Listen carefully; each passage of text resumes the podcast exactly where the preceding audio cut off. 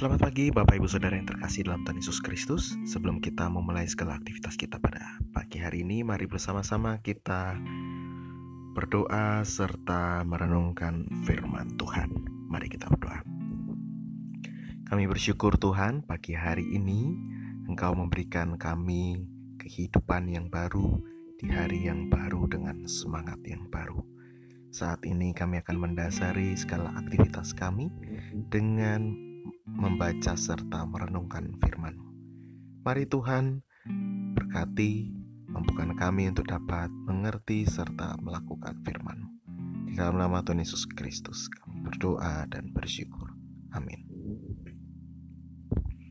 Bacaan kita diambil dari kitab Mika pasal 5 ayat 3 sampai dengan 4a atau dalam versi elektronik ayat 4 sampai dengan 5a.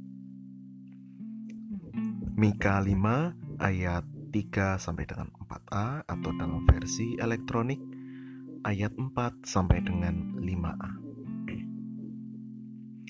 Maka ia akan bertindak dan akan menggembalakan mereka dalam kekuatan Tuhan, dalam kemegahan nama Tuhan Allahnya. Mereka akan tinggal tetap, sebab sekarang ia menjadi besar sampai ke ujung bumi, dan ia menjadi damai sejahtera. Demikianlah firman Tuhan. Bapak Ibu Saudara yang terkasih, dalam memasuki masa Advent ini setidaknya ada tiga kata kunci yang bisa kita ingat, kita pegang, yaitu pengharapan, pemulihan, serta pertobatan. Dalam ayat kita tadi Mika 5 ayat 3 sampai dengan 4a atau dalam versi elektronik ayat 4 sampai dengan 5a, tiga kata kunci ini dengan jelas muncul dalam ayat-ayat tersebut. Harapan tentang kelahiran Raja Damai sangat jelas terlihat dalam Mika pasalnya yang kelima ini.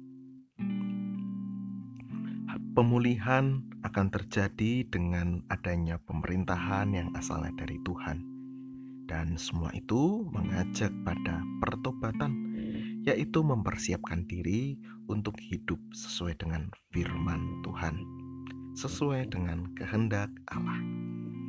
Ini artinya akan ada sebuah penantian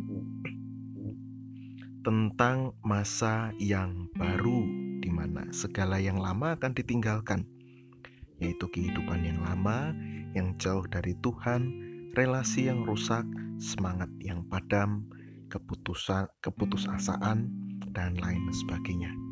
Semuanya itu akan digantikan dengan masa yang penuh harapan, pemulihan, dengan diawali pertobatan.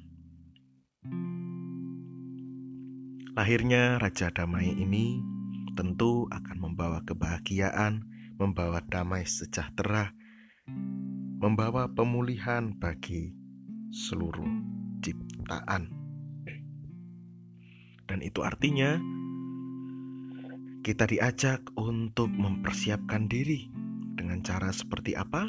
Dengan cara melakukan yang terbaik, dengan cara pertobatan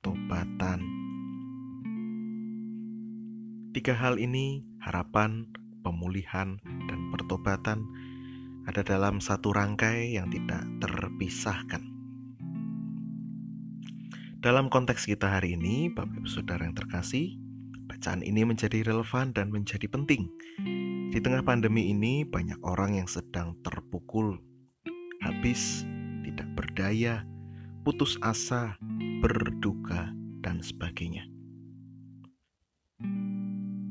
Kita boleh kalah dalam hal dunia,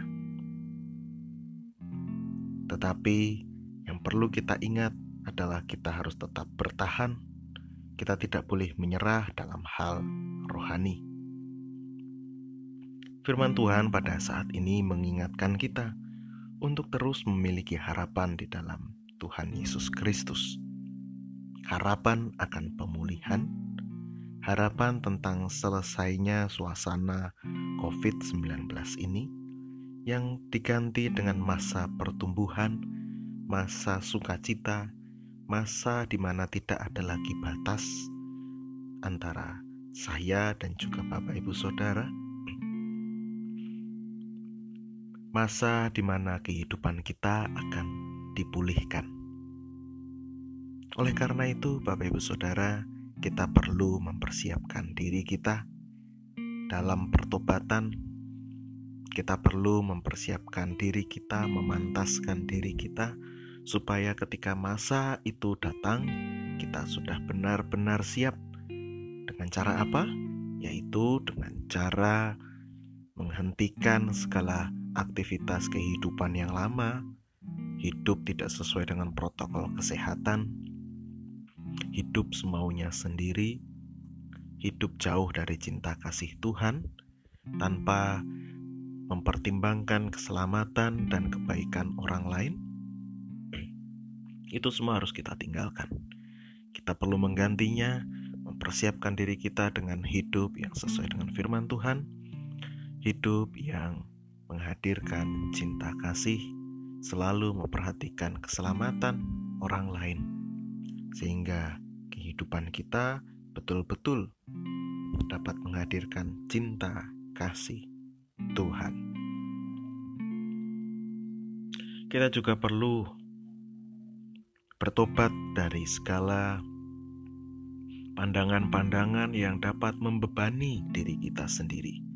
Pandangan-pandangan yang membuat kita terpuruk dalam rasa bersalah perlu kita ganti dengan keterbukaan, penerimaan, berdamai dengan diri sendiri, kemauan untuk bertumbuh dalam cinta kasih, dan juga semangat yang membangun diri sendiri serta sesama. Harapan dalam Tuhan tidak akan pernah sia-sia. Pertobatan dan pemulihan dari Tuhan akan membawa perubahan yang menghasilkan buah-buah roh yang. Demikianlah renungan kita pada pagi hari ini. Tuhan memberkati.